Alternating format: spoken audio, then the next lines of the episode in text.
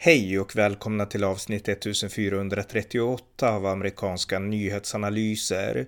En konservativ podcast med mig, Ronny Berggren, som kan stödjas på swishnummer 070-30 28 95 0. Idag den 28 november avslutar Sverigedemokraterna sina landsdagar, den partisamling som hålls varannat år som är Sverigedemokraternas högst beslutande organ. Här följer ett samtal med Bulletins redaktionschef Pelle Zackrisson om vad landsdagarna 2021 handlade om. Varmt välkomna! Pelle Zackrisson, välkommen! Tackar, tackar! Nu i helgen så har Sverigedemokraterna haft sina landsdagar i Karlstad 2021 och det här är ju Sverigedemokraternas högst beslutande organ och eh, du var där i egenskap av ja, nyhetsbevakning för Bulletino där du är redaktionschef. Eh, ja, vad kan du berätta i allmänhet om landsdagarna? Ja, det, jag var på, i Karlstad. Förra gången så höll man eh, landsdagarna i Örebro. Det som det bestående intrycket är att, eh, vad ska man säga, att eh, mognadsprocessen för Sverigedemokraterna fortsätter. Och, eh, och nu hade man, givet också då att man kommer in i landsdagarna med att man har fått eh, en budget som Sverige nu ska regeras på det kommande året, så var ju ett parti med otroligt eh, självförtroende. Man hade också någon form av eh, ledamöterna, eh, eller de, eh, ja, alltså de eh, Sverigedemokrater som var där gick runt och man märkte det på de som var där rent allmänt att man hade en känsla av att, eh, liksom att tillhöra, ehm, att vara en del av den politiska, eh, det politiska samtalet. Mm som man tidigare, ja, tidigare då har man liksom alltid varit lite i form av eh, en paria. Nu den här gången så eh, har man också, liksom man har sett det i interaktionen med eh, journalister och så vidare. Och att den här gången så, ja, man, det var, man var ju väldigt nöjda helt enkelt efter det här med budgeten och det är klart att ett parti ska vara nöjt om man, om man får igenom en budget. Det är ju historiskt. Det sa jag sagt. Ja, verkligen. Och jag menar, det, här, det var ju en slump att, att det skedde just direkt inför landsdagarna också. Det var ju inte liksom helt givet, utan att det skulle bli så här just nu. Så att det var ju verkligen det lyckliga ödet kan man säga. Och eh, ja, och det här liksom budgeten som lades, det var ju liksom SD och KD och eh, M. Och vilka som spelade störst roll här vet jag inte, men just att SD ändå var en del av liksom en del av att bygga det här nu som regeringen nu kommer att tvingas att, att regera utifrån den här budgeten. Det är ju ändå, det är ändå historiskt som du sa. Ja, nej, men jag, jag pratade med flera eh, företrädare för partiet, både på, jag så pratade med Åkesson och andra inom partiet på både så att säga, hög nivå och gräsrötter. Och eh, uppfattningen är att förhandlingarna med, med, förhandlingarna med de andra två partierna är det som man är, man har tagit ett jättesteg det, det, är inte bara det att man har lyckats förhandla fram en budget, och, utan man har i de här förhandlingarna så har man uppnått någon form av... Det, jag pratade med en, en politisk eh, en kille med politisk koll som säger det att för att du ska bygga ett förtroende då måste du supa med varandra. Va? Liksom det, när du har varit full med någon, då, då, då har du byggt den här relationen. Nu säger jag inte att, att eh, Ebba Busch, Kristersson och Åkesson ska liksom ta en, en bläcka ihop. Men, men man har tagit ett steg i de här förhandlingarna mot att skapa en, en, eh, en närmare relation. Att man har lyckats fixa en budget ihop. Eh, och eh, åtminstone från Sverigedemokraternas håll så ser man det här som ett jättestort steg. Inte bara att man kan sätta ihop en budget utan att man också kan komma överens på flera andra områden. Mm. Och det var det man tog med sig in i landsdagarna. Sen var landsdagarna generellt sett, när jag jämför då med Örebro eh, för två år sedan. I Örebro så var det många strider, det var, man, hade, man tjafsade om public service, det var, det var mycket olika, det var abort som var uppe på tapeten, det var fanns olika falangstrider och så vidare. i helgen som var, eller helgen som är, så har det varit ett, eh, har det varit ganska, det har inte varit några motioner som har stuckit ut i någon större omfattning. Det var, var, ett, det var väl en, en fråga som det blev lite snack om, jag antar att vi kommer komma in på den senare då. Men, men i det stora hela så är det, kommer Sverigedemokraterna ut ur den här, från den här helgen Eh, stärkta. Mm. Och eh, de här, eh, ja, partiets eh, huvudpersoner kan man säga, de höll ju tal också. Och Jimmy Åkesson han pratar om att vi är partiet som har sett sakerna komma. Och det var ju en anspelning då på Stefan Löfven när han har sagt att vi såg inte, eller jag såg inte problemen komma då. Så att det var ju en partiledare med självförtroende här. Och han vart ju såklart också åternominerad som partiledare, vilket ju knappast var någon överraskning. Men ett tal med självförtroende och det är liksom, ja, det visar väl ungefär att de känner nu att de har vind i, vind i seglen. Ja, det som... Jag pratade med eh, lite olika folk där och, som var på plats, journalister och så vidare. En, sak som jag tyckte stack ut, det var att eh, för första gången på ett tag så började Åkesson återigen att prata om visionen för Sverige. Vad, eh, vad Åkessons... Det är ju ett linjetal och han började prata om vad vill Åkesson att Sverigedemokraternas Sverige ska vara. Det ska vara ett tryggt Sverige där, och det var någon formulering om att där ska tjejer kunna gå ut i samhället och vara. Alltså att man, det ska vara ett tryggt Sverige. Och att bara kritisera regeringen, att bara säga att eh, Sverige är alltså att det är fel, massa fel på saker och att, eh, all, att eh, Sverige är otryggt. Det är en sak, men ska du en, en, politiker måste måla upp en vision av vad Sverige, eller ja, ja, vad man vill. Och i det här talet så började Åkesson återvända lite grann till det här som han tidigare har gjort för eh, 2015-2016 och börja prata lite grann om det moderna folkhemmet och så vidare. Så det tyckte jag var lite intressant, att han återigen börjar prata om visionen för, för vad är ett Sverigedemokratiskt Sverige, vad innebär det? Mm. Det var ju inte väldigt konkret, men, men det var ju åtminstone någon form av, han ville visa en bild då, vad, vad det skulle vara. Fast det var konkret på så vis att han liksom tog tydligt avstånd från schablonbilderna av vad den här äh, Sverigedemokratiska visionen av folkhemmet är. För ofta så pratar man om 50-talet och så att vi vill inte återvända till 50-talet, om någon trodde det, det har vi mm. aldrig velat, utan vi vill bara att de här mm. grunderna som funkade då ska funka nu också, som trygghet och så vidare. Så att eh, han, var, han liksom betonade ändå att ni kan inte måla någon schablonbild på oss bara för att vi vill liksom ha en vision här som vi presenterar. Så att det, det gjorde han ju ändå. Eh, ja. Eh, ja, men om vi går in på, det var ju också såklart debatter som det oftast är på sådana här eh, partiorgan och eh, det var en fråga som diskuterades ganska livligt och det var frågan om återvandring. Kan du berätta lite om den, liksom hur den debatten gick? Ja, eh, det var ju ungsvenskarna och eh, ungsvenskarna som hade, alltså återvandring är att eh, ja, att, att eh, invandrare som inte är integrerade ska förmås att eh, återvända till sina forna hemländer helt enkelt. Och eh, det bygger på frivillighet eh, enligt Sverigedemokraterna. Och eh, då ungsvenskarna, jag minns inte vem det nu var, men det var i, en, i debatten då så ville man ha en tuffare, ungsvenskarna ville ha en tuffare formulering och en mer tvingande, man vill ha mer tvång i det här. Och, ehm, och då blev det en debatt om det här att man, det kom, framkom ju då, liksom slängdes också ut att ja, men har Sverigedemokraterna blivit mjuka? Att man är man inte längre för att driva en, en tuff eh, migrationspolitik. Ehm, och, och eh, ja, så att eh, det är ju det är ju kontentan egentligen av själva diskussionen.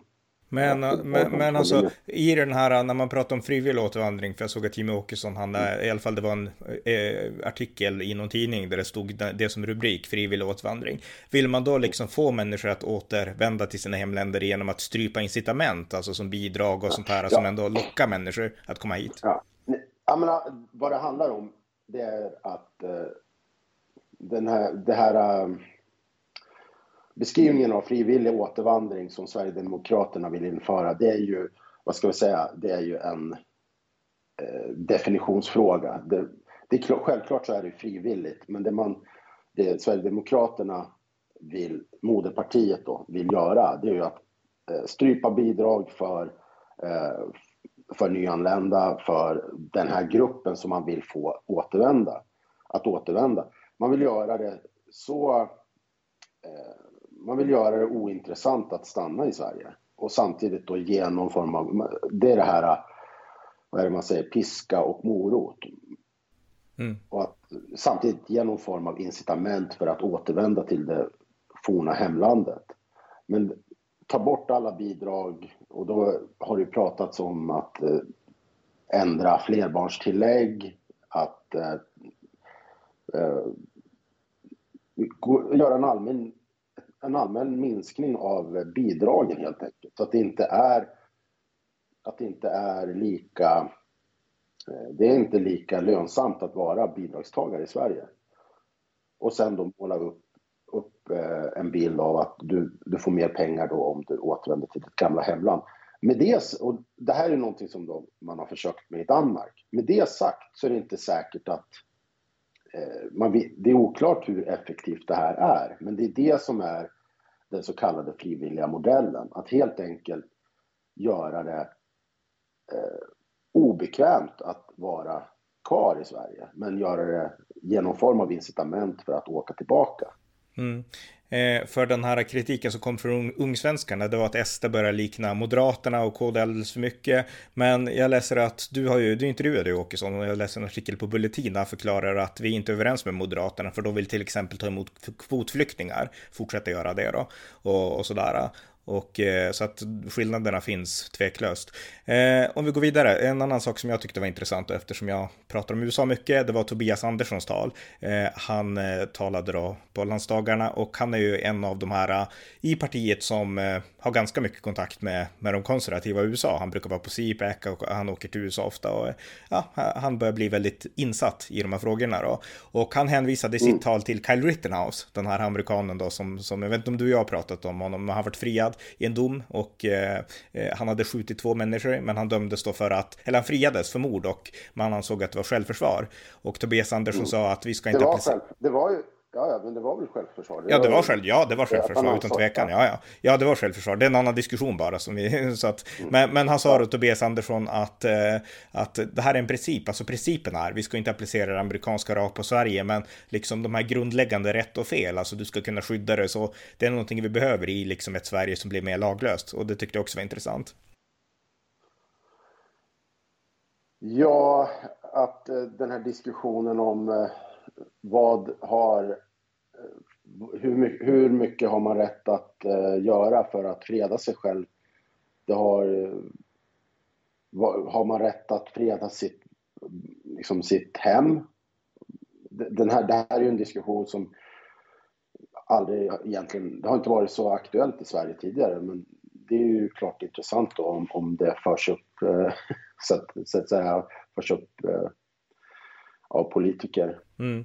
Och det blir, ja, det blir också extra intressant för att även om vi inte kanske, det är inte sådana frågor vi diskuterar här, men det är ju snarare liksom jägares rätt till vapen och liksom vi har allt det med Karl Hedin och sånt, så att det finns ju mycket frågor i anknytning till det här som ändå är aktuellt i Sverige också, även om vi har ett helt annat samhälle och helt andra vapenlagar och även en annan vapenkultur än USA. Men det är ändå liksom ett ämne som fortfarande är viktigt här, allt det här med jakt och liknande. Så att, eh, ja, intressant. Eh, en, också, annan, ja. en, annan grej som, en annan grej som eh, hände, eller de kallade ju till pressträff också. Det var det Patrik Reslow och så var det Richard Jomshof som på lördagen kallade till pressträff. Och Sverigedemokraterna gjorde ett eh, skolpolitiskt utspel och meddelade då att man hade ett... Eh, man under våren kommer att eh, Eh, ta tag i det här med, eh, man vill göra om skolan ordentligt, alltså man vill göra ett rejält omtag.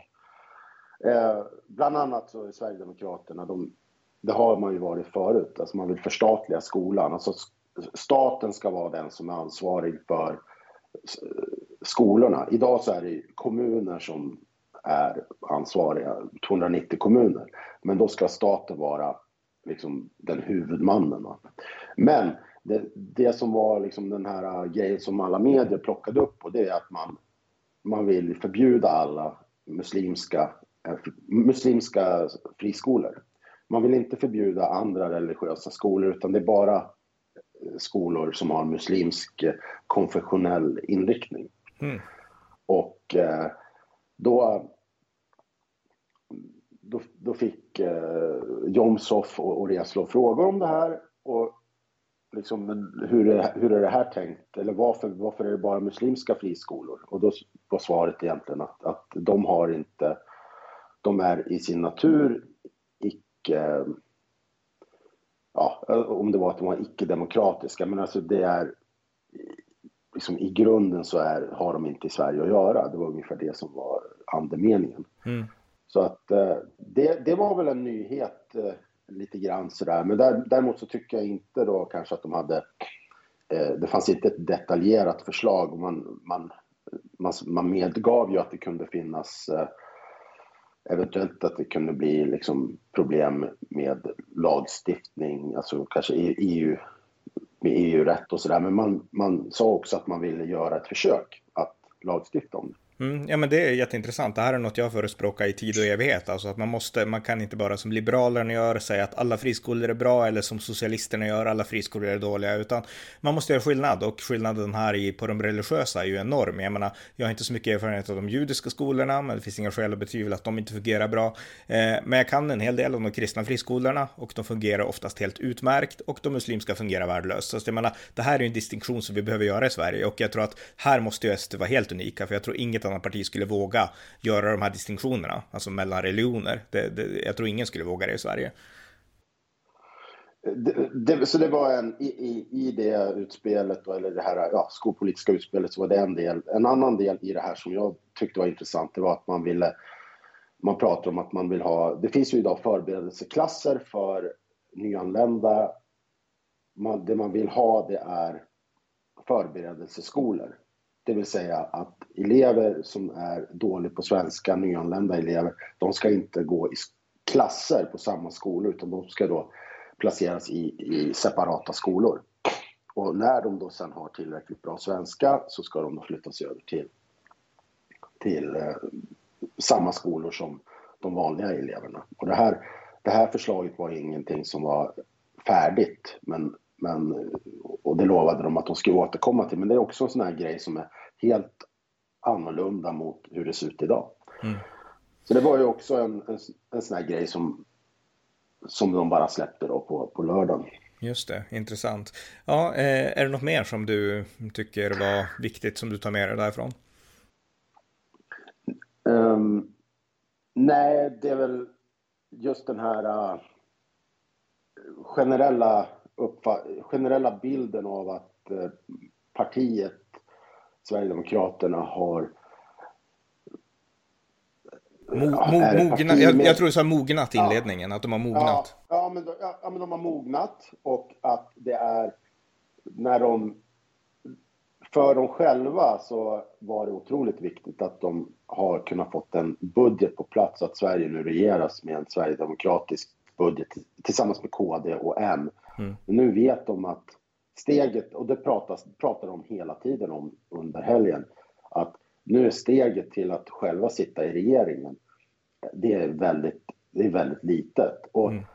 alltså, de kan säga hur mycket de vill om att de får om att de inte, alltså att det inte har förändrats så mycket. Men, men tidigare så menar jag att Sverigedemokraterna har, då har man sagt att ja, det har inte varit ett krav att sitta i regeringen och man har liksom kunnat tänkt sig att stödja en, en KDM-regering och, och, ja men du vet förhandla mm. om det här.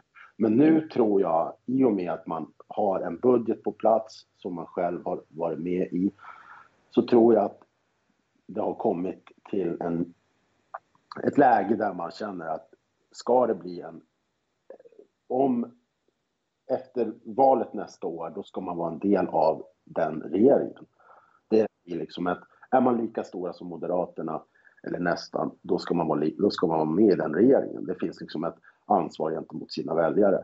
Mm. Så det är, det är lite grann en sån här förändring tror jag. Ja, och jag tycker också som bekräftar det och det är att när man följde SVT, nu har inte jag följt alla SVTs bevakningar av alla Sverigedemokraternas liksom landsdagar, men, men jag följde lite grann nu och eh, det lät lite grann som att de behandlade, alltså man pratade om SD på ett helt annat sätt. Nu var det inte det här med att oj SD vilket konstigt parti, titta vad han sa, titta vad den gjorde, utan det var mer liksom analysen, det här, liksom, det här innebär det för det och alltså det var mer, det kändes mycket mer seriöst i liksom hur man behandlade SD i media, tyckte jag också. Ja, jag har ju inte hunnit eh, följa, följa SVTs bevakning mm. eh, i och med att jag har varit på plats. Men, men, um, nej, men generella bilden är att det är ett, um, ett parti som, som, um, ja, som förbereder sig mm. för, att, för att flytta in i Rosenbad om tio månader. Sen vet man ju inte hur det blir, men, men det är deras ambition. Mm. De vill vara med i Rosenbad om tio månader. Och om de säger att det inte är viktigt, då, då tror jag att de liksom faktiskt inte riktigt talar sanning, utan eh, det är Sverigedemokraterna vill sitta i regering. Det är, mm. inget, det är, som, det är så det är. Just det. Ja, nej, men vad bra. Nej, men då har jag inga fler yes. frågor, så tack Pelle för den här uppdateringen. Tack. Tack. Det var avsnitt 1438 av amerikanska nyhetsanalyser. En konservativ podcast som kan stödjas på swishnummer 070-30 28 95 0 eller genom att via hemsidan stödja på Paypal, Patreon eller bankkonto. Det var allt för idag. Tack för att ni har lyssnat.